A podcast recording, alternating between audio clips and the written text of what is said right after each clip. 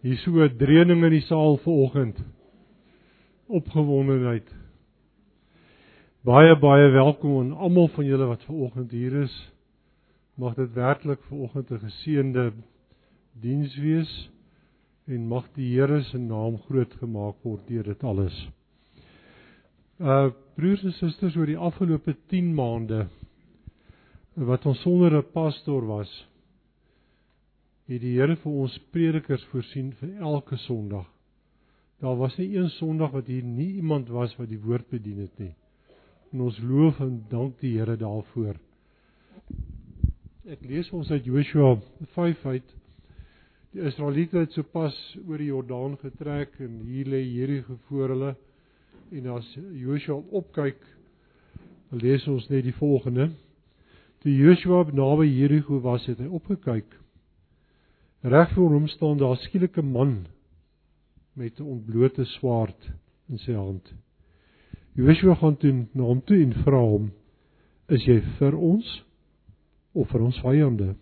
Hy het geantwoord: "Nee, maar ek is die bevelvoerder van die leer van die Here.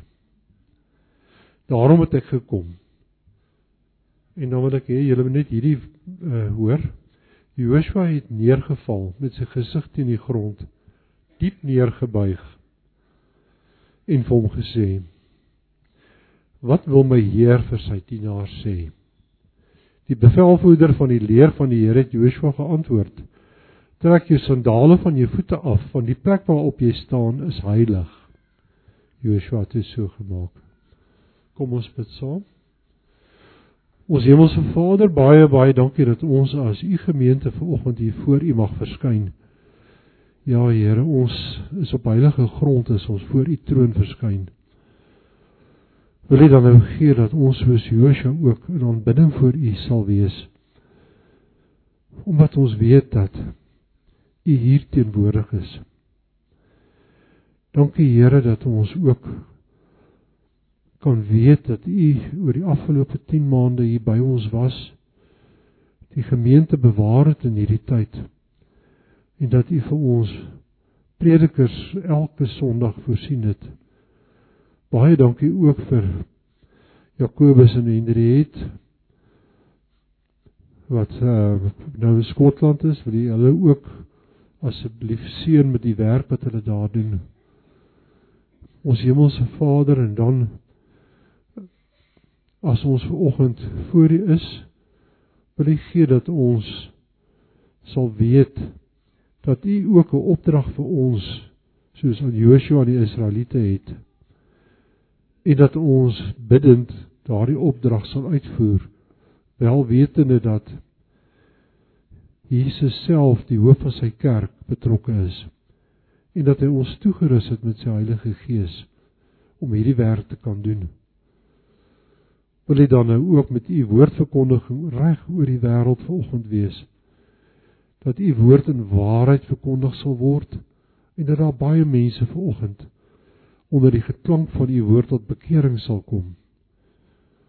Ons loof en prys u naam. In die naam van Jesus bid ons dit. Amen.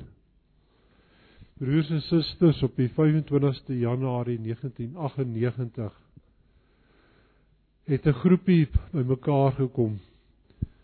En uh daardie groepie van hulle is vandag nog hierso. Ek self het daai eerste aand se diens bygewoon wat gelei was deur Nico van der Walt.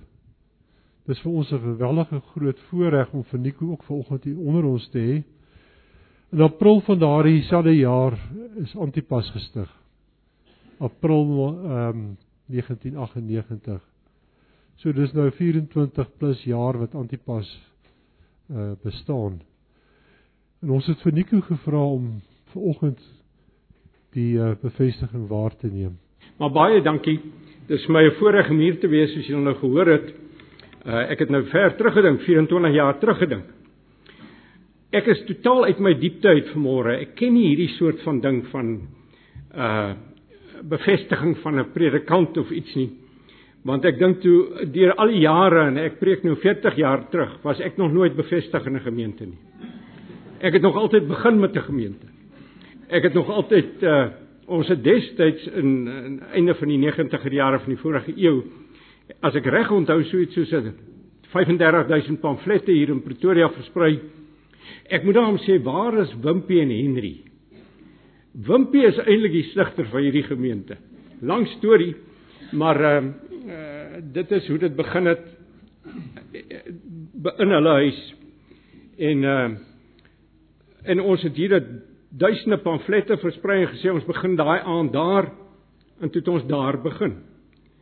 En en so het dit net maar deur die jare gegaan met my. Ek het altyd van voor af begin.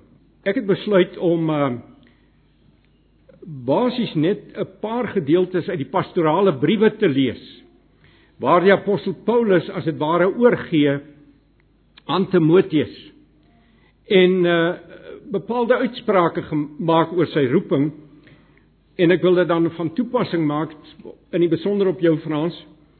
Ehm uh, en dit is die roeping deur al die eeue nog wat uh, geld vir 'n pastor.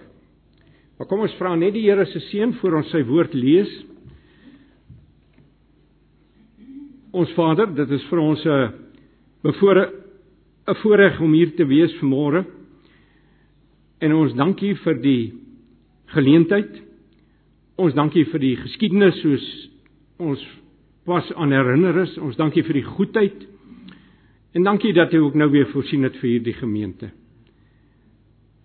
Ons vra dat U die volgende minute sal seën as ons kyk na U woord. Mag U verheerlik word hier. Amen. Nou, ek gaan vir ons drie gedeeltes uit uh, Timoteus se briewe lees of Paulus se briewe aan Timoteus. Die eerste is in hoofstuk 4.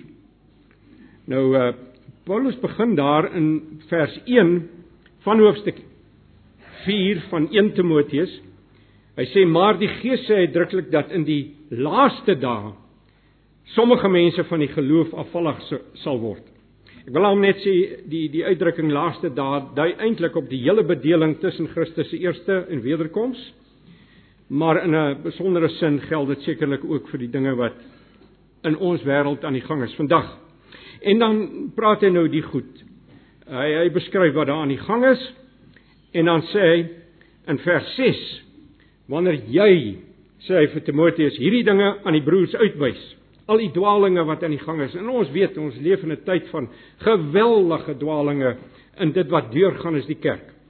Wanneer jy hierdie dinge aan die broers uitwys, vers 6, sal jy 'n goeie dienskneg van Christus Jesus wees, gevoed met die woorde van die geloof en die goeie leer wat jy noukeurig navolg. Die woorde en die leer. Vir my goddelose en dwaase mites, oefen jouself om God vreesend te leef En onthou nou hierdie woorde kom nou na jou toe Frans en na julle as gesin toe. Want liggaamlike oefening is wel in 'n geringe mate nuttig, maar Godvreesendheid is nuttig in alle opsigte. Dit hou belofte in vir die huidige en die toekomstige lewe. Dan kom die apostel en hy maak 'n uh, uitspraak hier sê hy sê die uitspraak is betroubaar. Uh, dis net miskien betekenisvol dit is amper iets van 'n tegniese uitdrukking van die apostel Paulus. Hy gebruik dit hier in die pastorale briewe 5 keer, presies dieselfde woorde. Julle sal dit miskien onthou uit die ou vertaling. Dis 'n betroubare woord. En dit kom 5 keer daarvoor en as hy dit sê, dan wil hy daarmee sê wat ek nou vir julle gaan sê is uiters uiters belangrik. Die uitspraak is betroubaar en werd om ten volle aanvaar te word. Want hiervoor werk ons hand hart en stry ons omdat ons ons hoop geplaas het op die lewende God wat die verlosser van alle mense is vir al die gelowiges. Beveel en onderrig hierdie dinge. Laat niemand op jou neersien omdat jy jonk is nie, maar wees 'n voorbeeld vir die gelowiges in woord, in gedrag, in liefde, in betroubaarheid en reinheid. Totdat ek kom moet jy jou toelê op voorlesing. Destyds kon baie mense nie lees nie. Moet jou toelê op voorlesing, bemoediging en onderrig. Moenie die genadegawe wat in jou is verwaarloos. Genadegawe wat deur profesie aan jou geskenk is toe die raad van ouderlinge jou die hande opgelê het nie. Lê jou toe op hierdie dinge, leef daarin sodat jou vordering vir almal duidelik kan wees. Wees nou lettend op jouself en die leer. Volhard daarin, want sodoende en dan kom hierdie merkwaardige woorde, want sodoende sal jy jouself red en ook hulle wat na jou luister. Dan wil ek na 2 Timoteus toe gaan. 2 Timoteus hoofstuk 3. Nou hy begin weer hierdie gedeelte in vers 1, 2 Timoteus 3 vers 1. Dit moet jy weet in die laaste dae. In die laaste dae gaan daar moeilike tye kom. En dan beskryf hy hoe die mense sal wees in hierdie moeilike tye. Ek gaan dit nie nou lees nie, dit is 'n hele uh lang gedeelte, maar dan kom ons in vers 10.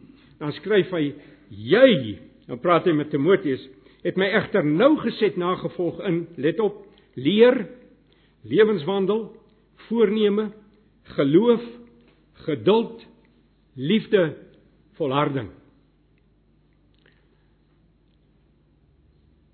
En laat ek net dadelik sê, dit is nie altyd maklik vir my om hierdie dinge aan julle voor te hou nie, want ek is so bewus van my eie gebrokenheid en ge mislukkings in hierdie verband. Maar volharding in vervolging en lyding. Hy gebruik dus hier nege uitdrukkings om dit te beklemtoon, soos wat ek in Antiochië, Ikonium en Lystra ervaar het. Watter vervolgings het ek ook al wat het ek ook al verduur het, vergewe my. En die Here het my van alles gered. Almal wat God vreesend in Christus Jesus wil leef, sal inderdaad vervolg word. Slegte mense en bedrieërs sal van kwaad tot erger gaan deurdat hulle ander mislei en mislei word, maar jy bly jy by dit wat jy geleer het en waarvan jy vas oortuig is omdat jy weet by wie jy dit geleer het. En omdat jy van kleins af die Heilige Skrifte ken wat jou die wysheid kan gee tot verlossing deur die geloof in Christus Jesus. Elke skrifdeel is deur God geïnspireer en is nuttig vir onderrig, weerlegging, teregwysing en opvoeding om God se wil te gehoorsaam, sodat doelsin die mens wat aan God behoort, bekwam kan wees ten volle toegerus vir elke goeie taak. Hoofstuk 4 vers 1. Ek vermaan jou ernstig voor God en Christus Jesus skryf Paulus vir Timoteus wat die lewendes en die dooies gaan oordeel en ook met die oog op sy verskyning in sy koninkryk verkondig die woord. Hou tydig en ontydig aan. Weer lê, bestraf, bemoedig in alle geduld en deurlering, want daar kom 'n tyd wanneer hulle die gesonde leer nie sal verdra nie Maar omdat hulle ore gestreel wil word deur wat hulle hoor, sal hulle vir hulle self leermeesters na eie begeerte uitsoek. Hulle sal hulle doof hou vir die waarheid en hulle sal tot hulle tot versinsels wend. Maar bly jy in alles nugter. Verduur jou lyding. Doen jou werk as verkondiger van die evangelie. Beoefen jou bediening voluit. Want Ek en hier gee hy nou oor aan Timoteus, want ek word reeds as dankoffer uitgegiet en die tyd van my dood is naby. Met ander woorde Paulus gee die aflofstokke. Ek het die goeie stryd gestry sê die apostel hier. Ek het die wedloop voltooi en ek het die geloof behou. Nou wag die oorwinnaarskrans van geregtigheid op my. Wat die Here die regverdige regter op daardie dag vir my sal gee. En nie net vir my nie, maar ook vir almal wat sy koms liefhet. En nou gaan ek terug na 1 Timoteus toe, 1 Timoteus hoofstuk 6. vers 3 tot 12. 1 Timoteus 6 vers 3 tot 12. As iemand 'n ander leer verkondig en hom nie hou by die gesonde woorde van ons Here Jesus Christus en by die leer wat met die ware Godvreesenheid ooreenstem nie, is hy verwaand en sonder begrip en eerder 'n sieklike aptyd vir meningsverskille en stryery oor woorde. Dit lei tot afguns en risie en lastering en bose suspisies. Aanhoudende gerede kawel onder mense wie se denke ontaard het en wat van die waarheid beroof is en dink dat God vreesheid winsgewend is. Wat wel 'n groot wins is, is God vreesheid wat met tevredenheid gepaard gaan. Ons het immers niks in die wêreld ingebring nie. En ons kan niks daai wegneem nie. Maar as ons kos en klere het, laat ons daarmee tevrede wees. Wie ryk wil word, val in versoeking en 'n struik en baie dwaase en skadelike begeertes wat mense meesleur na ondergang en vernietiging. Want geldgierigheid is die wortel van alle kwaad. Die hinkering na rykdom het sommige mense laat afdwaal van die geloof en hulle het hulle self met baie smarte deurboor. Maar jy, o man van God, vlug weg van hierdie dinge. Streef eerder na geregtigheid, Godvreesenheid, betroubaarheid, liefde, volharding, sagmoedigheid. Stry die goeie stryd van die geloof, gryp die ewige lewe waartoe jy geroep is en waarvan jy die goeie belydenis vir baie getuies afgelê het. En laat ons dus onthou as ons dan pastors is van 'n gemeente Frans dan in die eerste instansie rus die verantwoordelikheid op ons om self die wedloop te voltooi en die erfenis te verkry en om self gered te word.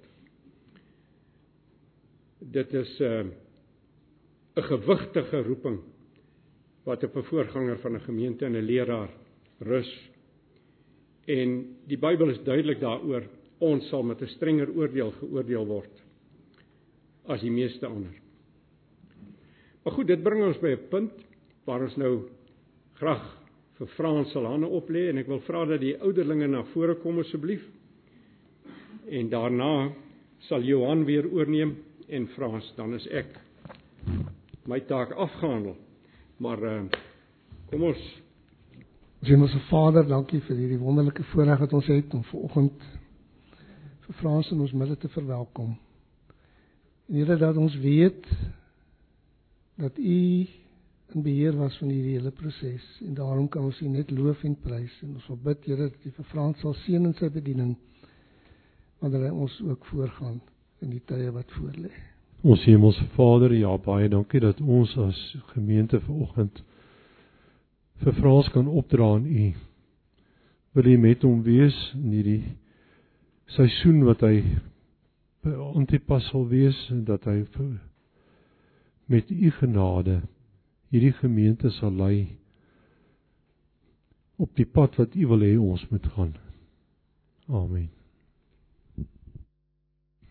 Vader, dankie dat ons soos dat ons met ons hande hier op front staan kan bid dat U hom deur U Gees sal lei en dat hy in die Gees se krag sal werk. Dat soos wat hy vir ons vanmôre geskryf het, gee vir ons minder sal word en dat U meer sal word. En dat U hom sal help, Here, om in nederigheid hierdie pad in afhanklikheid van U te stap.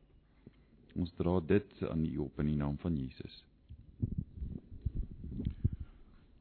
Ja, Here, ons wil U loof en prys vir die dienskneg wat U vir ons gestuur het. Ons dink ook aan die opdragte wat ons nou uit die woord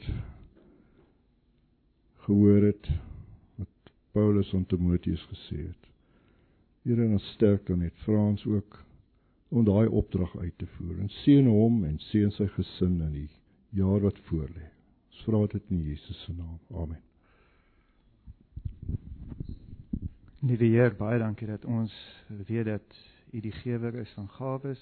Vader, dankie vir die gawes wat U aan Frans en aan sy gesin gegee het. Here, wil U vir Frans seën. Wil U vir Esther en hulle kinders seën en wil U ook sy ondersteuningsnetwerk seën sodat die werk wat U vir hom gegee het, hy volkome en reg sal doen. Amen. Ons almagtige God, Hemel Vader, Here, baie dankie vir die voorreg wat ons het om hier in Antipas gemeente te staan vandag. Baie dankie dat u vir ons vir Frans en vir Esther en die gesin gestuur het. Ons eer u daarvoor. Here help ons dat hy voorgaan en dat ons u lig sal uitstraal en sal uitdra in in hierdie area waar ons is. Seën sy bediening ryklik. Help ons as gemeente om hom by te staan en dat dit alweer tot eer en verheerliking van u naam. Ons bid dit in Jesus naam alleen. Amen. Ons Vader in die hemel, baie dankie dat ons in die naam van Jesus Christus voor U kan kom. Jesus Christus, die hoof van die kerk en ook die hoof van hierdie gemeente. Baie dankie vir U goedheid deur die jare. Baie dankie vir u versorging. Dankie vir u geduld met hierdie gemeente. Baie dankie dat u rekening hou daarmee dat ons gebroke mense is. En dat ons dikwels struikel en stamel en strompel. En dit sal sekerlik ook waar wees van Frans en Esther. Ons vra egter dat u Heilige Gees hulle sal begenadig en bekragtig dat u wysheid sal gee, lig sal gee, liefde sal gee dat u Heilige Gees werklik deur Frans as leraar van hierdie gemeente 'n kragtige werk sal doen om die Here Jesus Christus te verheerlik en om die gemeente op te bou in die allerheiligste geloof. Laat u naam geheilig wees en steeds geheilig word in hierdie gemeente. Voeg by wie u wil byvoeg in die toekoms. Mag u naam geheilig word. Amen. Amen. Goeiemôre gemeente. Dit is vir my regtig 'n groot groot eer en voorreg om vanoggend vir julle te groet weer in die naam van Jesus Christus, ons verlosser en Here. Ek wil hê julle moet weet dit is vir die Grefrats 'n baie op groot en opgewonde dag vandag. Um ek wil vir my vrou en kinders vra om asseblief vorentoe te kom terwyl ek uh hierdie getuienis aan julle voorhou.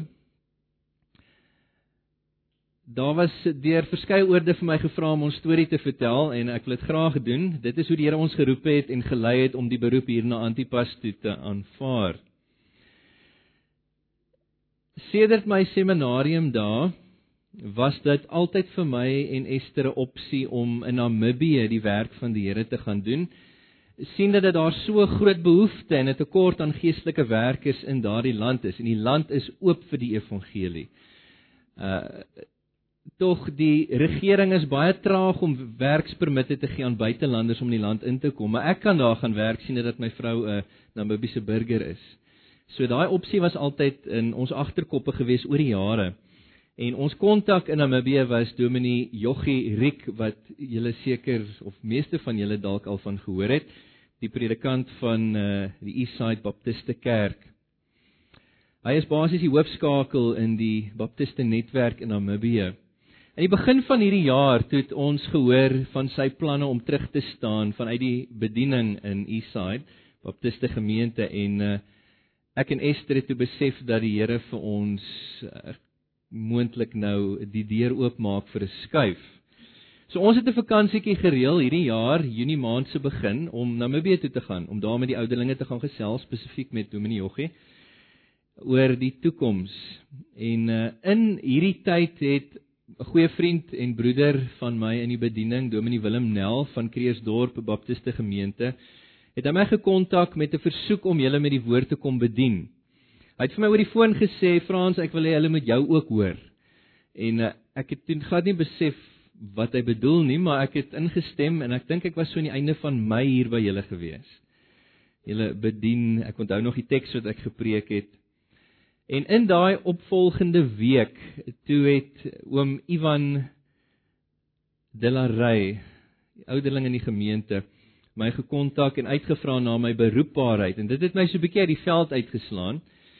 Eh, ek het dit glad nie verwag nie. Ek was ook genooi vir 'n verkenningsgesprek met die beroepskomitee en uit my oudanigheid uit as een wat hierdie jaar dien as president van die Afrikaanse Baptiste Kerke van Suid-Afrika, het ek gedink ek wil kom en kom bid vir die beroepskomitee Ek wil hulle kom motiveer om dalk nader aan die ABK te staan. Maar ek het daai verkenningsgesprek baie positief beleef, sommer dadelike eensgesindheid tussen my en die ouderlinge van die gemeente. Maar jy kan dink dat uh, ons maar gemengde gevoelens aan ons kant gehad het weens ons gedagtes oor Namibië. En uh, ek dink dit was nog 'n week of 2 daarna wat ons ernstig gebid het oor die saak wat Jean Nortier, ook ouderling van die gemeente, my uh, gekontak het 'n Dinsdag. Ons sou daai donderdag na Namibië toe gereis het vir ons gesprekvoering daar. En Jean het sommer uit die my intrapslag vir my gesê hy gaan my lewe moeilik maak. En uh hy het toe vir my gesê dat die beroepskomitee die vorige aand vergader dat hulle het nie nodig gehad om verder te praat of te redeneer of te besin nie. Dit was eenparig dat die beroepskomitee gevoel het ek is die kandidaat wat hulle wil voorhou aan die gemeente. En ek het toe besef toe hy dit sê dat die Here is moontlik hier aan die werk en ons sal moet agslaan hierop. In elk geval ons is toe na Namibië toe om gesprek te gaan voer met die belanghebbendes en ons het besef in ons tyd in Namibië dat die Here ons nie so intoe lei nie. Maar dat hy ons losgemaak het van die begin van die jaar af vir iets anders, 'n ander skuif en dit was nog 'n dag of twee se gebed daarna toe bel ek vir Jean terug en die res is geskiedenis. En ek moet vir julle sê toe het ons die hand van die Here aan die werk begin beleef. Um Spreuke leer vir ons daar's baie wysheid in die veelvoud van raadgewers.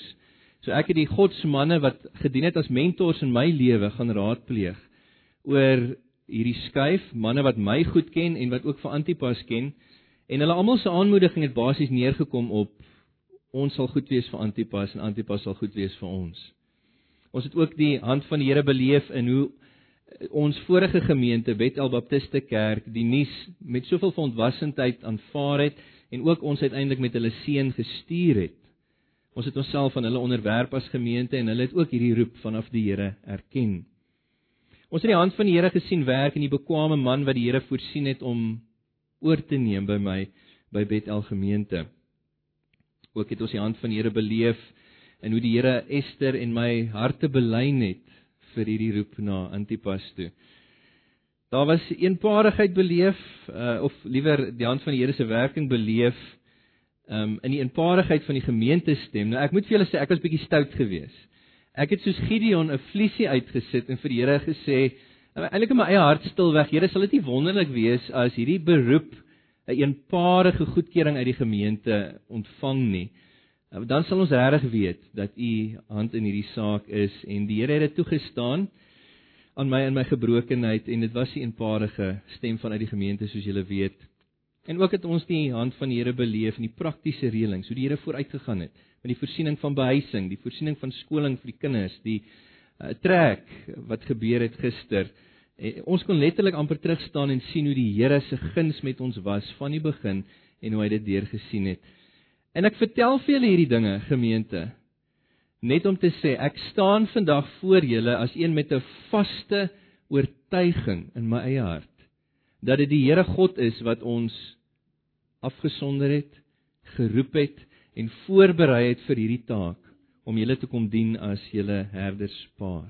En saam met dit het ek 'n groot geloof in my hart uh teenoor ons God dat hy getrou sal aanhou om hierdie gemeente te bou soos hy nog altyd gedoen het.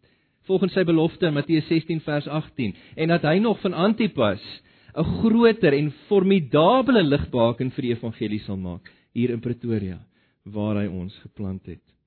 Hierdie oortuiging en gepaardgaande opgewondenheid in my hart kom van die Here af en daarom wil ek vanoggend vir julle sê ek neem hierdie taak op met alle erns bidend en in vertroue op die Heilige Gees om myself te onderwerp in lyn met die voorskrif van ons Here en sy woord en in samewerking met die ouderlinge van hierdie gemeente om julle te lei. En daarmee bedoel ek om julle te voed met die woord van die Here voortdurend. Om julle te versorg in die woord van die Here voortdurend. Om julle te beskerm in die woord van die Here voortdurend en om vir julle 'n voorbeeld te wees van die uitleef van die woord van die Here. Dit alles natuurlik met liefde, die liefde van die Here in my hart teenoor julle wat sy kudde is. Dis my litigimasie ooreenkoms aan julle gemeente. Maar ek het ook 'n versoek van julle af.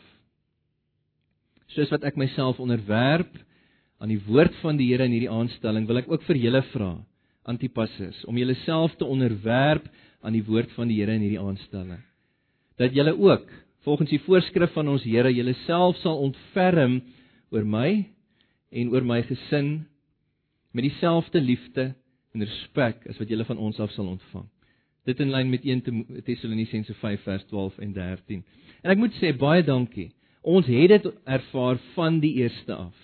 As ek byvoorbeeld net dink hoe die dames ons woning skoon gemaak het hierdie week, hoe die manne gekom het en ons kom help het met ons trek gister. Ons ervaar al reeds hierdie ontferming en daarvoor sê ek vir julle dankie. Dit is ons uiters spesiaal. Baie baie dankie. Want nie net wil ek vra vir ontferming nie. Ek wil ook vra dat julle julleself sal onderwerp aan my leer en my leiding, soos wat ek met die krag van die Gees gaan nastreef om julle te leer en te lei in die weë van die Here wat hy vir ons in sy woord bekend gemaak het. Met die wete dat ek julle belang op my hart sal dra elke dag as een wat rekenskap gaan gee vir julle siele voor die Here eendag. En natuurlik die eenparigheid van julle stem om ons beroep te bekragtig. Dit sê vir my dat julle is gewillig hiervoor. Ek wil net so een of twee reëlingkies daar plaas aan julle kommunikeer met die intrapslag voordat ek dan hierdie getuienis afsluit, net dat julle kennis neem. Nommer 1, ons het 'n oop huis beleid. Wat beteken julle sal toegang hê tot my 24/7? Asseblief gemeente kom trap ons drempel deur. Ek ek gaan julle nie gereeld uitnooi nie, ek nooi julle nou uit kom en doen dit asseblief. Ek gaan julle kwaadlik neem. Nie dat julle ons drempel deurtrap nie, maar as julle dit nie doen nie. Ons huis en ons harte is oop vir julle, vir elkeen van julle. So kom, maak gebruik van ons. Maak misbruik van ons tot eer van die Here. Dan 'n tweede reëling wat ek daar wil sit is die Kansel Bybel wat ek sal gebruik in my woordbediening aan die gemeente is die 2020 direkte vertaling. Die ouderlinge het dit so goedgekeur. Sedert die Bybel uitgekom het, het ek my eksegese van uit die oorspronklike brontekste uit hierdie Bybel gedoen en dit is 'n baie akkurate, betroubare teks. As jy nog nie hierdie Bybel aangeskaf het nie, skaf dit aan. Ons sal dit gebruik dan van die kansel af. 'n Derde reëling wat ek daar wil stel van die begin af is dat Antipas behoort en moet 'n gemeente wees wat bid. En soos ek myself voorneem om vir julle elke dag getrou te bid, wil ek ook vra dat julle as 'n gemeente vir ons sal bid. Gereeld dat ons staande sal bly in hierdie moeilike roeping waartoe die Here ons geroep het en ook dat die Here vir ons 'n effektiewe herderspaar aan julle sal maak.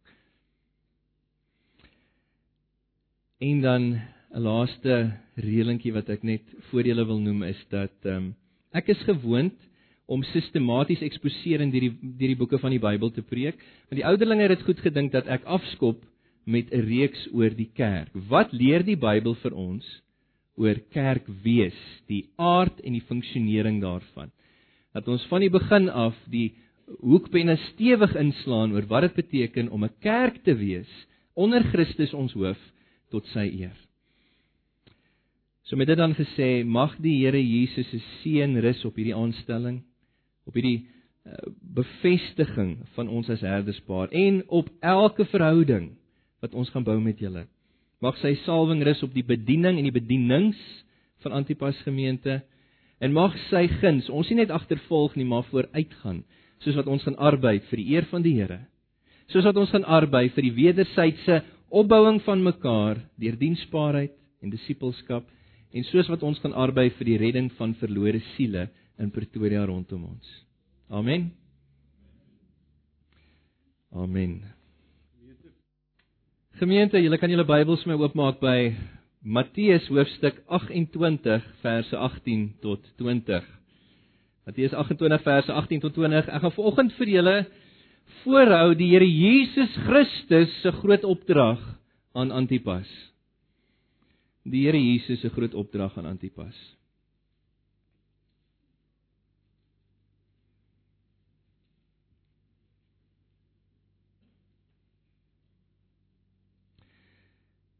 Voordat ek enigiets meer sê, kom ons sluit ons oë. Ons dra hierdie boodskap en die aanhoor daarvan op aan die Here.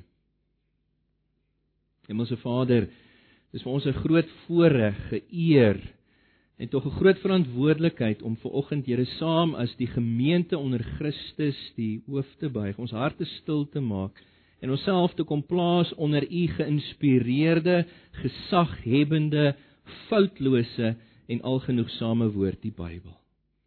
Here die Bybel is vir ons ons hoogste bron van gesag en waarheid.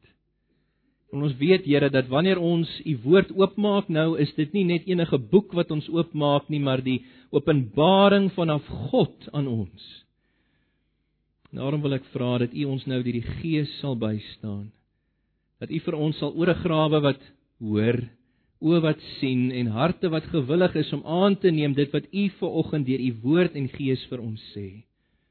Dat U vir ons as individue, maar ook as 'n gemeente sal help om die knie te buig voor U gesaghebende opdrag aan ons. Here, kom doen nou U werk. Kom staan stil langs elke persoon. Deur die werking van U Gees mag niemand vandag hier uitgaan sonder Here dat hulle kan getuig die Here het met my gepraat, die Here het in my lewe gewerk en ek kan nooit weer dieselfde wees nie. Here kom en kom doen u werk in ons midde. Spreek deur u woord, verander lewens vir tyd en ewigheid en verheerlik u self. Dit bid ons in die naam bo alle name, die naam van Jesus Christus. Amen. Het Antipas gereformeerde baptiste gemeente 'n bestaansreg? En lê daar 'n blink toekoms vir hierdie gemeente voor? Dikwels wanneer gemeentes deur moeilike tye gaan, dan is hierdie die tipe vrae wat gevra word. En ek kan dink dat daar onder julle vir die laaste 10 maande wat julle herderloos was, hierdie vrae gevra was.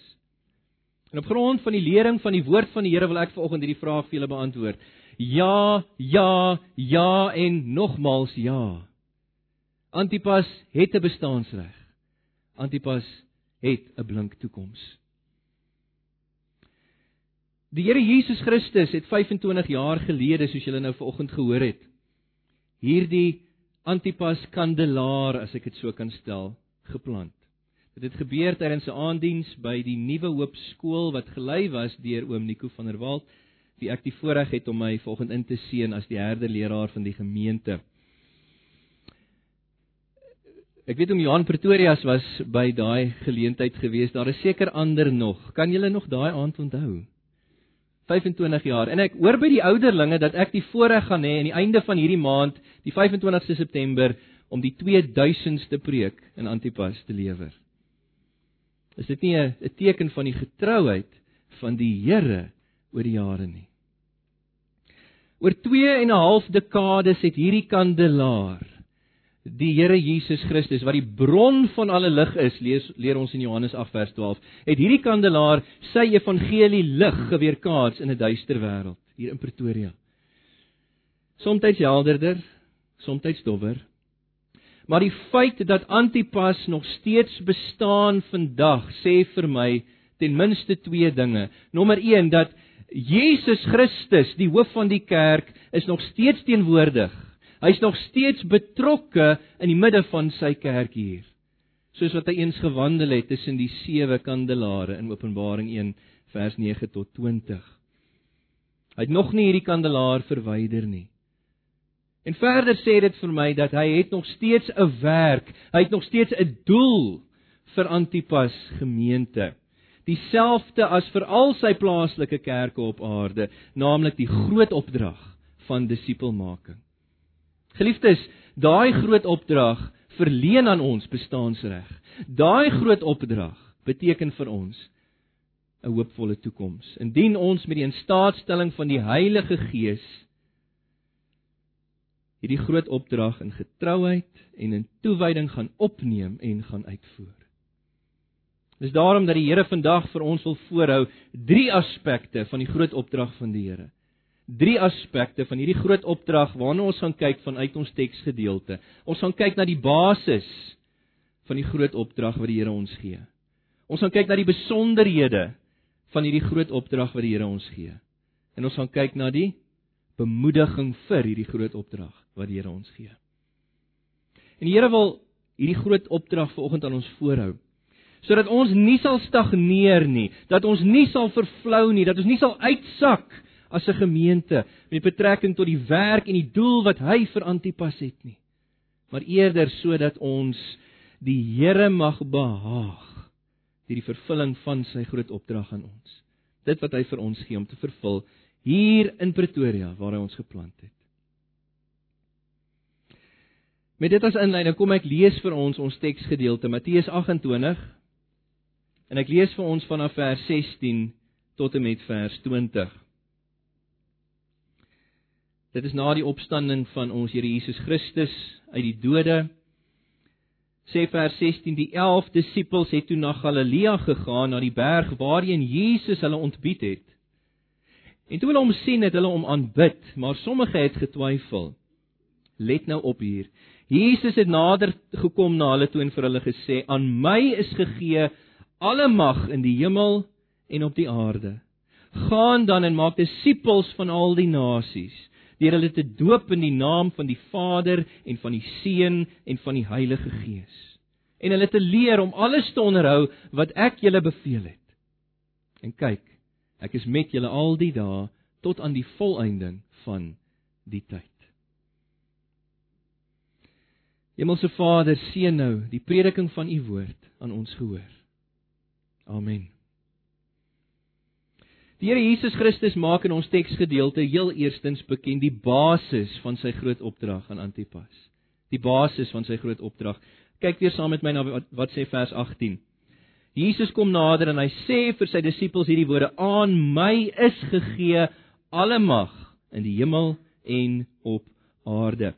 Hierdie uitspraak volg op sy suksesvolle verlossingswerk, soos wat hy dit afgehandel het in sy sondelose gehoorsaamheid aan die morele wet van God, maar ook soos hy dit afgehandel het in sy plaasvervangende kruisdood namens ons. Sy begrafnis, sy liggaamlike opstanding uit die dode en sy hemelvaart. Natuurlik sy opstanding leer die Bybel vir ons is die stempel van God die Vader op Jesus se verlossingswerk dat dit suksesvol afgehandel was en dat dit aanvaarbaar is vir die Vader. En dit is op grond van hierdie suksesvolle verlossingswerk dat Jesus vanaf die Vader dan ontvang het wat? Wat sê die teks? Alle mag in die hemel en op die aarde. En dis wat Paulus vir ons leer in Efesiërs 1:20 tot 22. Hy sê Jesus sit aan die regterhand van God die Vader. En God het hom gestel bo alle owerhede en gesag en mag en heerskappy in hierdie bedeling van die kerk era maar ook in die bedeling wat kom die nuwe hemel en nuwe aarde.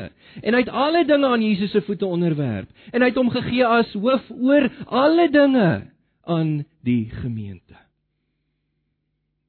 Die Bybel leer vir ons Jesus het daai mag opgeneem met sy hemelvaart Daniël 7 vers 13 en 14 eh, sê vir ons die profeet Daniël het in sy nagtelike visioen gesien hoe Jesus kom met die wolke op na die hemel toe en hy het verskyn voor die troon van God in die allerheiligste troonkamer voor die oue van daar. En daar is hy gekroon met eer en met heerlikheid en met 'n koninkryk. En sy koningskap is permanent Paulus skryf vir ons, hy moet regeer aan die regterhand van God die Vader totdat al sy vyande 'n voetbank vir sy voete gemaak is.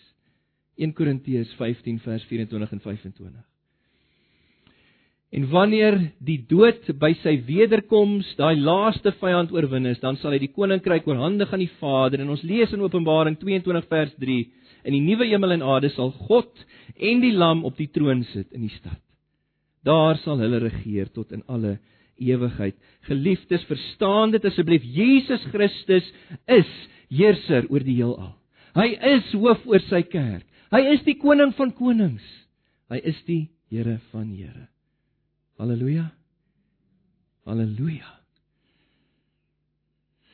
Hierdie mag wat hy het oor hemel en oor aarde is die basis. Dit is die gesag op grond waarvan hy dan vir ons hierdie groot opdrag van disipelmaking gee. En dit behoort vir jou te sê dat hierdie opdrag is nie op 'n uh, opsionele kwessie oop vir persoonlike oorweging nie. Dis verpligtend vir elkeen van sy egte en ware kerke op aarde, ook vir Antipas. Nie wil ek nou 'n praktiese toepassing maak vir julle. Het jy al geliefde oom, tannie, vriend, vriendin, jongeling, het jy al jou knie gebuig voor die heerskappy en die hoofskap van Jesus Christus. En belangrik, getuig jou lewe daarvan.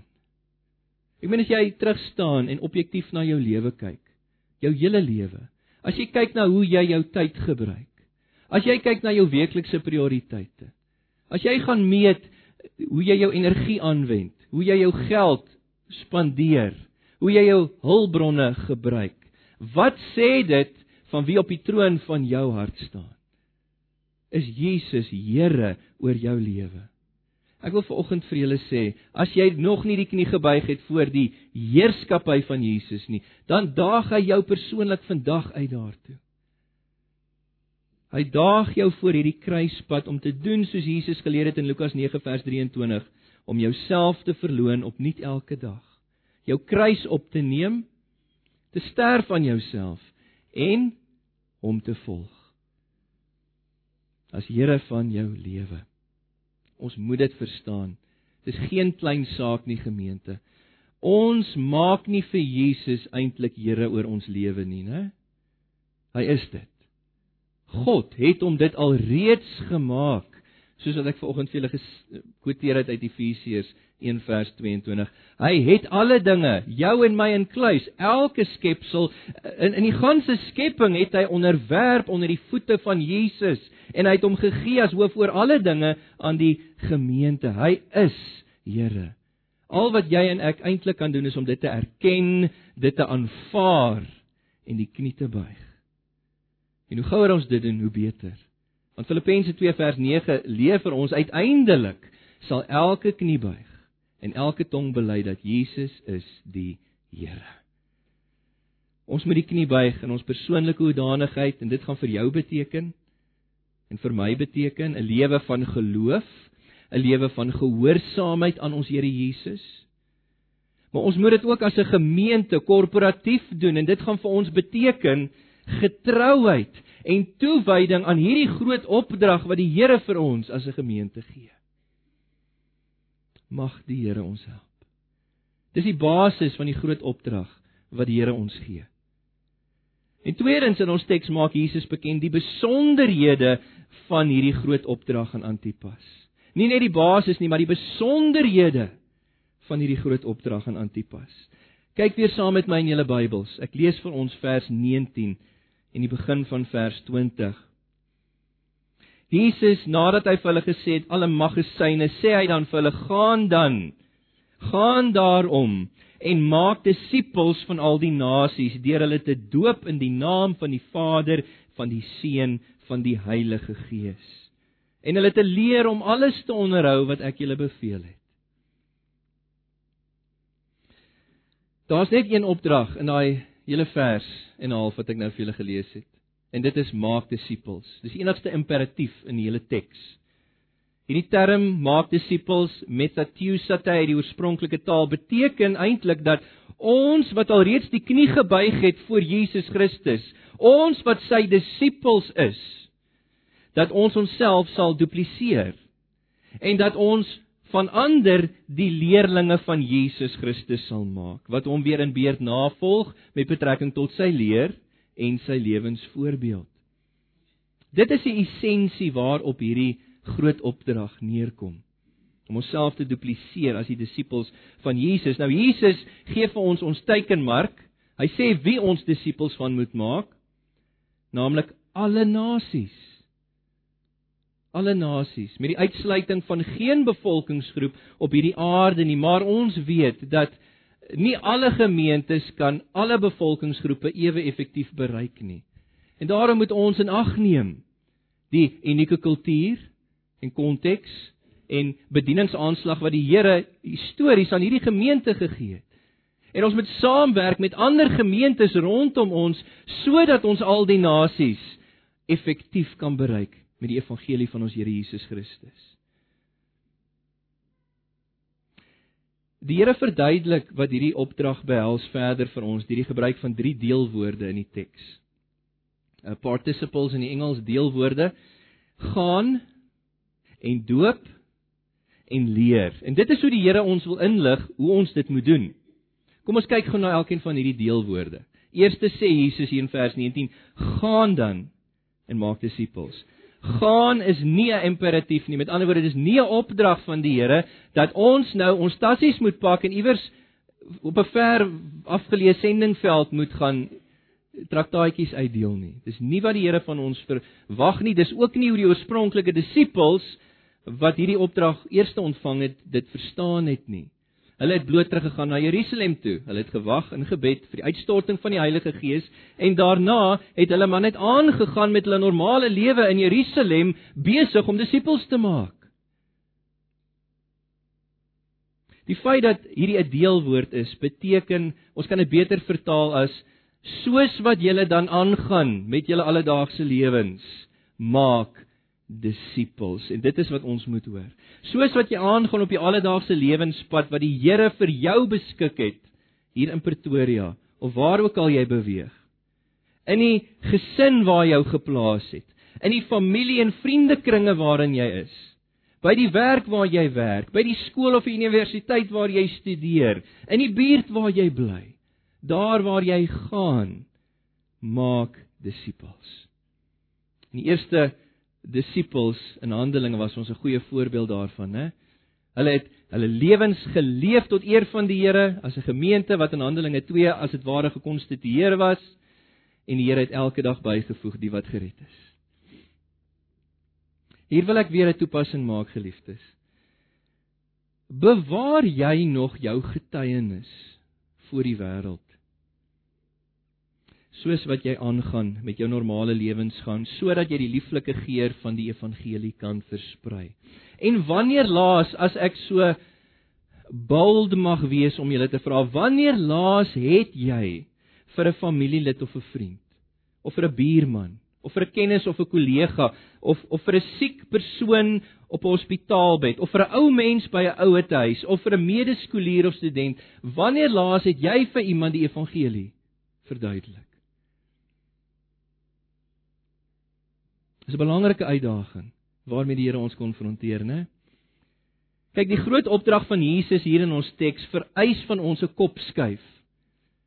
Van elkeen van ons, naamlik dat ons elke lewenssfeer waarin die Here ons geplant het, sal ag as 'n sendingveld.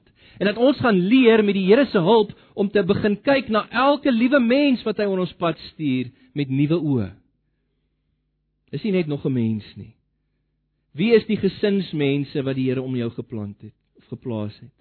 Wie is die familielede en die vriende om jou, die mede-kollegas, die skooliere, studente, die bure, die huishulp, die tuinier?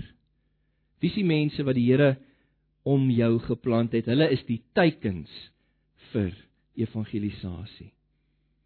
Kweek doelbewustelik verhoudings met hierdie individue. Maak nie saak hoe rou hulle is in hulle onkunde of selfs in hulle sonde nie. Doen dit ter wille van 'n geleentheid om 'n verduideliking te kan bied aan hulle van die hoop wat in ons is. En bid dat die Heilige Gees jou sal help om daai kop skuif te maak om jouself voortaan, soos wat jy gaan in jou normale lewens uh, dag, om jouself te ag as 'n visser van mense. Gaan. Die tweede deelwoord wat die opdrag hier beskryf is doop. Doop. Dis die woord baptizontes in die Grieks vanaf die bekende wortel baptizo wat ons verstaan as baptiste. Dit word letterlik vertaal as onderdompel. Ehm um, ek hoef vir julle niks te verduidelik daaromtrent nie. Vertrou ek. Die Holman Bible Dictionary som hierdie woord op as to dip or immerse someone into water. En hiervan is Jesus vir ons 'n wonderlike voorbeeld, né? Ek meen hy het uitgegaan na Johannes die Doper toe. Ons lees dat Johannes die Doper het het Jesus gedoop by Salem omdat daar baie water was. Johannes 3 vers 23 en dan sê Matteus 3 vers 16 en 17 wat die die verhaal van Jesus se doop vir ons beskryf. Hy het afgeklim in die water en opgeklim uit die water. Uit Jesus was onder dompel. Nou let op die volgorde hier. Dit is baie baie belangrik. Jesus sê eers gaan en maak disippels deur evangelisasie. En dan sê hy doop wie? Doop hulle. Ek wil hê julle moet dit in die teks sien. Doop hulle. Dit wil slegs sê slegs hulle wat positief reageer op die evangelie van ons Here Jesus met bekering en geloof Hulle wat sy disippels word en die knie voor hom buig, slegs hulle is waardig van die Christelike doop wat in ons eh, teks verskyn. En op grond van hierdie volgorde moet ek dalk ook bysê net om 'n bietjie breër perspektief te gee, soos wat die nagmaal vir ons die teken is, die instelling is van iemand se volharding in die Christelike geloof, is die doop die teken of die instelling van iemand se begin in die Christelike geloof. Sy begin op die Christelike lewenspad.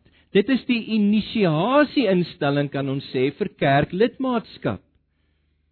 waardeur nuwe disippels verwelkom word in die lewe van die gemeente in. Hulle word gedoop, hulle word deel van die kerkfamilie waarbinne hulle dan saam met die ander disippels groei deur lering soos ons nou sal sien in Christelike volwassenheid. Ek bedoel die vroeë Christene in Handelinge is vir ons so 'n goeie voorbeeld hiervan, né? Petrus staan op in Handelinge toe hy preek die evangelie uit sy hart uit met die krag van die Heilige Gees. 3000 word in die hart getref. Hulle kom na die apostels toe, broers, wat moet ons doen? En let op hoe integ eh, hoe 'n integrale deel van die evangelie verkondiging van die apostels was die doop. Wat antwoord Petrus? Broers, kom tot bekering en laat julle gedoop word. Dan word lewer bewys van julle geloof in Jesus deur die doop van die gelowige tot vergifnis van sondes. En julle sal die gawe van die Heilige Gees ontvang. En dan sê dit vir ons daar in vers 41 nadat hulle tot geloof gekom het in Jesus, is die 3000 gedoop en daar's 3000 tot die gemeente toegevoeg. Dis die woorde wat die teks gebruik. Hulle het deel geword van daai eerste Jerusalem gemeente. En daarna die volgende vers sê as deel van daai kerkfamilie het hulle volhard in die leer van die apostels, in die onderlinge verbondenheid, in die breek van brood, in die gebede. Nie wil ek weer 'n toepassing maak. Het jy al die knie voor Jesus gebuig in hierdie verband? Ek praat met baptiste, maar ek wil niks aanneem volgens nie. Het jy al jouself as 'n gelowige laat onderdompel? Kyk, ek hoor soms van onkundige mense, selfs hulle wat teenskop teen die opdrag van die Here, hierdie argument, maar wat van die die die rower aan die kruis langs Jesus? Ek meen, hy het nie homself laat doop nie en Jy weet Jesus het van hom gesê jy sal vandag saam met my in paradys wees. Maar geliefdes, ons moet erken, daai is 'n unieke situasie. Dit vorm nie die norm vir ons nie. Hy het nie die geleentheid gehad om homself te laat doop of homself te onderwerp aan hierdie opdrag van die Here nie. Jesus Christus se gesaghebende opdrag vir al sy disippels in ons teks. Dit is ons norm. Dit is nie onbelangrik nie. Soos enige baptis sal sê, die Die doop van gelowiges is nie onbelangrik nie, want ek wil hê julle moet in die teks ietsie raak sien. Hierdie opdrag verskyn of hierdie woord verskyn tussen twee ander woorde. Gaan doop en leer. Saam staan of val al drie hierdie woorde. Dit wil sê net so min soos wat ons evangelisasie, net so min soos wat ons lering kan weglaat uit die kerk van die Here, kan ons die doop van gelowiges weglaat. Daarom moet ons dit ernstig opneem. Dis 'n opdrag vanaf die Here. Is jy al gedoop in gehoorsaamheid aan die Here? Dis 'n persoonlike toepassing, maar as 'n toepassing vir ons as 'n gemeente sou dit beteken dat ons alle disippels wat deel word van hierdie kerkfamilie, dat ons hulle sal doop met hulle opname in die geloofsgemeenskap sodat hulle saam met ons onder die lering van God se woord kan sit en saam met ons kan groei in Christelike volwassenheid. En dan 'n derde woord hier is leer. Leer in ons teks. Die woord didaskontes in die Griekse taal wat beteken om onderrig te gee in 'n formele opset en ook in 'n informele opset. En ag ek kan maar net Jesus as 'n voorbeeld hier voorhou voor julle weer. In 'n formele opset het Jesus in sinagoges geleer en uiteindelik oral geleer waar die skare om hom saamgedrom het, né? Op die strand, in grasvelde, selfs onder 'n verdorde vyeboom het hy lering gegee op markpleine. En dan ook in informele opset het Jesus geleer wanneer hy saam met sy disippels op die pad was, wanneer hy saam met hulle in die huis was, wanneer hy in die landerye saam met hulle was en so voort. Dit het Jesus gedoen. Nou let op die inhoud van wat hier geleer moet word. Jesus sê leer hulle om alles te onderhou wat ek julle beveel het. In ander woorde wat ons aan mekaar voorhou voortdurend van hierdie kansel af en in al ons disippelskap forums is die gebooie van ons Here Jesus Christus. En let op die praktiese aard van hoe ons hierdie gebooie aan mekaar moet voorhou sodat ons dit kan onderhou. Hier wil ek weer 'n toepassing maak vir ons. Hierdie opdrag van die Here om disippels te maak en hulle te leer as deel van die plaaslike kerkfamilie plaas 'n groot verantwoordelikheid op my as leraar, soos julle nou vanoggend gehoor het en ook op die leiers van hierdie gemeente, die ouderlinge met wie ek dan nou spesifiek praat. Dat ons voortdurend voor die gemeente sal hou die leer en die lewensvoorbeeld van ons Here Jesus Christus vanaf hierdie kansel soos ek gesê het en in al ons disippelskapgroepe, die kuddegroepe, in in ons manne byeenkomste, ons dames byeenkomste, selgroepe, in ons Bybelstudies, in ons bidure dat ons dit sal voorhou. En daar is ook dan 'n verantwoordelikheid wat geplaas word op julle, nie net die leraar, nie net die leierskap nie, maar ook die lidmate van die gemeente. Dat julle getrou en gereeld die onderlinge byeenkomste sal bywoon. En ek wil julle uitdaag hiertoe. As julle nog nie getrou was in die verlede nie, om getrou te wees, soos Hebreërs 10 vers 25 sê, om nie die onderlinge byeenkomste te verontagsaam, soos sommige die gewoonte begin maak het nie. Moenie sodat julle jouself kan blootstel by eredienste eerstens, maar ook by elke ander gemeentelike byeenkoms aan die leer van die Here se woord en dat ons saam daardeur kan opgroei tot Christelike volwassenheid. Kyk, is vir my baie belangrik. Ware wedergeborenes wil mos saam met medegelowiges voor die Here wees. Die knie buig voor sy leer en saam groei, né? Dit behoort een van die hoogste prioriteite en vreugdes van jou elke week te wees. Die besonderhede van die groot opdrag het Jesus bekend gemaak hier. Gaan maak disippels. Dit behels dat ons sal gaan met die evangelie, dat ons hulle sal doop wat positief reageer en dat ons hulle sal leer as deel van die kerkfamilie alles wat Jesus ons beveel het om te onderhou. En dan derdens maak Jesus bekend die bemoediging vir hierdie groot opdrag aan Antipas. En ek wil net kortliks hieraan aandag gee vandag. Bemoediging vir hierdie groot opdrag aan ons. Die groot opdrag om disippels te gaan maak is uitdagend, soos julle weet. Jesus het ons gewaarsku. In Johannes 15 vers 20. Die diensknegte is nie groter as die Heer nie. As hulle my vervolg het, gaan hulle julle vervolg. En dis wat ons beleef en dis wat ons moet verwag. As ons met die evangelie in hierdie stad ingaan, oral waar die Here ons geplaas het, dan gaan ons verwerp word.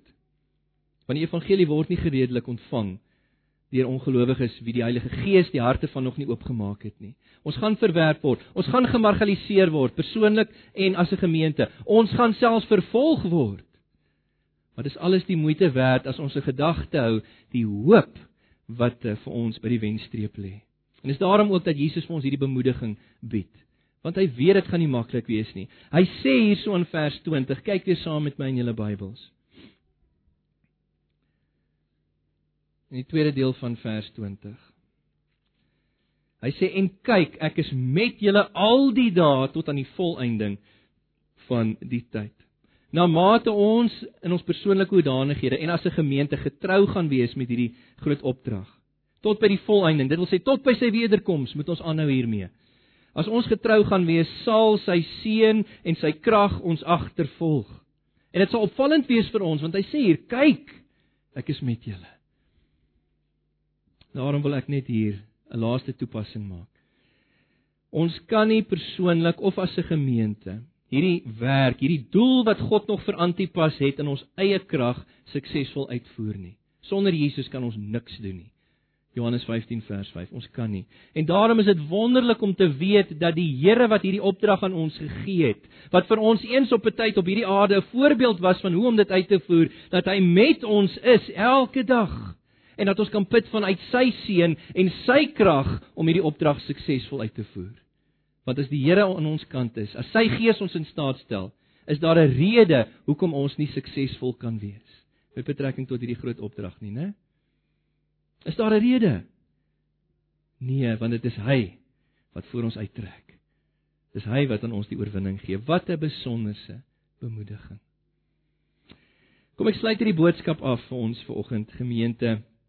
Die Here het vandag ons on, onder ons aandag gebring hierdie drie aspekte van die groot opdrag aan Antipas. Die basis vir die groot opdrag is die gesag wat die Here het aan die regterhand van God, die Vader. Ons het gekyk na die besonderhede van hierdie groot opdrag dat ons moet gaan disippels maak. Ons moet gaan met die evangelie, ons moet die wat positief reageer doop, ons moet hulle opneem in die geloofsgemeenskap, ons moet hulle leer om te onderhou alles wat die Here ons beveel het. En ons het gekyk na die bemoediging dat die Here is met ons en hy sal sy seën op ons plaas hiervoor. Ons mag nie stagneer nie, ons mag nie vervlou nie, ons mag nie uitsak met betrekking tot hierdie opdrag van die Here aan ons nie. Eerder ons met die Here behaag deur in sy krag hierdie dinge te doen. Solank dat as wat daar nog verlore siele daar buite is wat die evangelie moet hoor en wat die disippels van Jesus moet word, is daar 'n bestaansreg en is daar 'n blink toekoms voor Antipas. Amen. En uh eie aan die verrigtinge van hierdie dag wil ek net vir julle sê ek verbind myself as herderleraar van hierdie gemeente met die seën en die krag van die Here natuurlik en in samewerking met die ouderlinge van hierdie gemeente om julle voor te lei in die vervulling van hierdie opdrag van Jesus aan ons aan ons as 'n gemeente. Maar ek kan dit nie op my eie doen nie. Ek het julle nodig gemeente om my hande te vat. Om saam met my hierdie pad te stap. As die Heilige Gees vanoggend in jou hart gewerk het, liewe antipasser. En jy's bereid om vandag my hand te vat in die hande van die ouderlinge en saam met ons hierdie nuwe seisoen aan te durf. Om saam met ons onsself te, te buig onder die opdrag van die Here. Dan wil ek hê jy moet vir daai besluit van toewyding vanoggend neem. Wil julle nie vir my staan nie? Die wat bereid is om hierdie pad saam met ons te stap. staan op. Maak daai besluit van toewyding in jou hart vandag. Dat van vandag af vorentoe gaan ons hande vat as 'n gemeente. En ons gaan hierdie groot opdrag van die Here Jesus aan Antipas getrou uitvoer. Amen. Amen. Kom ons sluit die oë. Here baie dankie vir u woord aan ons vanmôre. Baie dankie vir elkeen wat hier voor my staan. U ken hulle, u ken hulle harte, u ken hulle toewyding. Here vandag is 'n groot dag vir hierdie gemeente.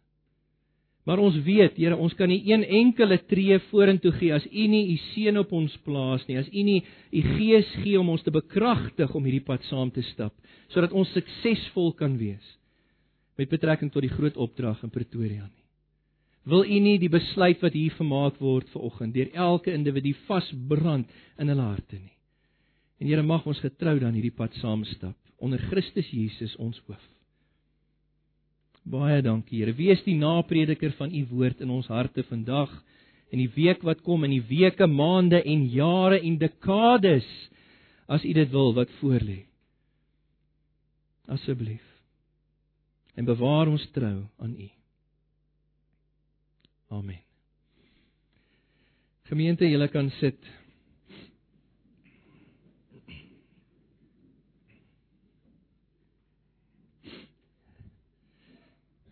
Is dan nou my voorreg om die nagmaal vir ons te bedien. As jy wil staan en net bene rek dat die bloed net so bietjie vloei, is jy welkom. Uh, soos ek sê, dis my voorreg, maar ook my verantwoordelikheid om iets te sê voordat ons die nagmaal gaan bedien. Sê oom. Die aand voor die Here Jesus Christus se kruisdood het hy die nagmaal ingestel. Hierdie instelling vir sy disippels se gee sodat die kerk van Jesus dit deur die kerk era kan onderhou tot by Jesus se wederkoms. Dit dien vir ons as die teken van die nuwe verbond waaronder ons staan as Nuwe Testament gelowiges en dit herinner ons aan die meriete van Jesus Christus se verlossingswerk vir ons op Golgotha. Ek wil 'n waarskuwing rig aan julle vanmôre. Die nagmaal is bedoel slegs vir wedergeborenes. Dit wil sê hulle wat Jesus Christus al aangeneem het as jou persoonlike verlosser van sonde en wie al die knie gebuig het voor sy heerskappy. Julle wat hom volg as sy disippels en daagliks die die pad van bekering en geloof agter Jesus aanstap. Die nagmaal is vir julle. As jy ver oggend hier is en jy's onseker met betrekking tot jou verhouding met die Here, As jy nie weet of jou saak met die Here reg is nie, laat die brood, laat die sap verbygaan. Moet dit nie drink nie. As geen skande daaraan nie, niemand gaan jou snaaks aankyk nie, eerder dit as wat jy 'n vloek oor jouself eet en drink. Maar ek wil ook 'n bemoediging rig, soos wat my gebruik is. Die nagmaal is nie vir sondeloos volmaakte gelowiges nie, want daar bestaan nie sulke is hierdie kant van die graf nie, né? Die nagmaal herinner ons juis ons is sondaars gered deur genade alleen. Dat ons aanvaar is voor God nie op grond van ons eie morele goedheid nie. Dat ons nie aanvaar is op grond van ons godsdienstbeoefening of ons sogenaamde heiligheid of goeie werke nie. Ons is aanvaar voor God alleenlik op grond van Jesus Christus se verlossingswerk. Jy hoef nie 'n lidmaat van hierdie gemeente te wees om die nagmaal saam met ons te vier vanmôre nie. As jy 'n weergebore disipel van Jesus is wat weet dat jy weet dat jy weet dat jy aan die Here behoort, is jy welkom om saam met ons hierdie fees van dankbaarheid te vier. En ek wil net sê voordat ek die diakens gaan vra om uit te deel, as jy kies om ver oggend die nagmaal saam met ons te gebruik, dan lê jy 'n getuienis af in die publiek voor almal hier dat jy volhard om te glo dat Jesus se kruisdood vir jou persoonlik was. Kan ek die diakens vra om vir ons die elemente te kom uitdeel? Julle kan die brood en die sap gelyktydig uitdeel aan die gemeente. Gemeente, ek wil vir julle vra, as julle die elemente ontvang, moet dit nie dadelik eet en drink nie. Hou dit vas, ons gaan dit saam eet en drink hierna.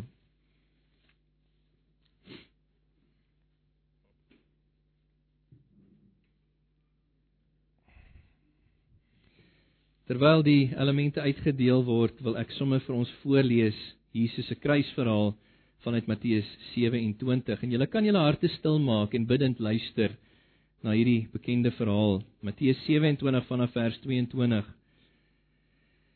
Pilatus vra toe vir die Joodse skare: "Wat moet ek maak met Jesus wat as Christus bekend staan?" En hulle roep toe almal uit: "Laat hy gekruisig word!" Hy het gevra, "Maar watter kwaad het Jesus dan gedoen?" Hulle het egter nog harder geskreeu, "Laat hy gekruisig word." En toe Pilatus sien dat hy niks bereik nie, maar dat daar eerder 'n oproer kom waarvoor hy bang was, het hy water geneem en voor die skare sy hande gewas en hy het gesê vir hulle, "Ek is onskuldig aan die bloed van hierdie man. Julle moet maar self toesien." Die hele volk het geantwoord en let op hierdie woorde: "Laat sy bloed op ons en ons kinders kom en ons weet die Here het hulle op daai woord geneem in die jaar 70 na Christus toe die Here die Romeine gestuur het om Jerusalem tot 'n val te bring, die tempel met die grond gelyk te maak. Maar dis wat hulle gesê het. En daarop het Pilatus toe vir Barabbas die moordenaar vrygelaat, maar vir Jesus die onskuldige het hy laat gesel en hy het hom te oorgelewer om gekruisig te word. En die teks sê vir ons nadat Jesus bespot was, het hulle hom weggelei om gekruisig te word. En op pad na buite het hulle 'n man van Sirene met die naam Simon teëgekom. Hulle het hierdie man gedwing om Jesus se kruis te dra. En toe hulle by 'n plek kom met die naam Golgotha, wat kobbeenplek beteken, het hulle vir Jesus wyn gemeng met 'n giftige kruid gegee om te drink. Toe hy dit proe, wou hy dit nie drink nie. Nadat hulle hom gekruisig het, het hulle sy boklere verdeel en daaroor die lood gewerp. Daar was ook twee rowers saam met hom gekruisig, een aan sy regterkant, een aan sy linkerkant sê die teks. En dan vanaf vers 45 dan sê dit vanaf die 6de tot die 9de uur op daai dag het daar duisternis oor die hele aarde toegesak. Teen ongeveer die 9de uur het Jesus met 'n harde stem uitgeroep: "Eli, Eli, lema sabachthani," wat beteken: "My God, my God, waarom het U my verlaat?" En toe sommige van die wat daar staan dit hoor, het hulle gesê hy roep Elia. Ander het gesê, bring 'n spons, maak dit vol met suurwyn. Hulle het op 'n riet gesit vir hom gegee om te drink en so voort. En dan hierdie woorde wat so kosbaar is, vers 54, let nou op hierdie uitkoms. Toe die centurio die hoofman oor die Romeinse soldate en die wat Jesus saam met hom bewaak het, die skudding van die aarde beleef, die dinge wat gebeur sien met hulle oë, het hulle vrees bevange geword en hulle het hierdie woorde gesê: Hy was waarlik die seun van God. Gemeente, kom ons begin by die brood.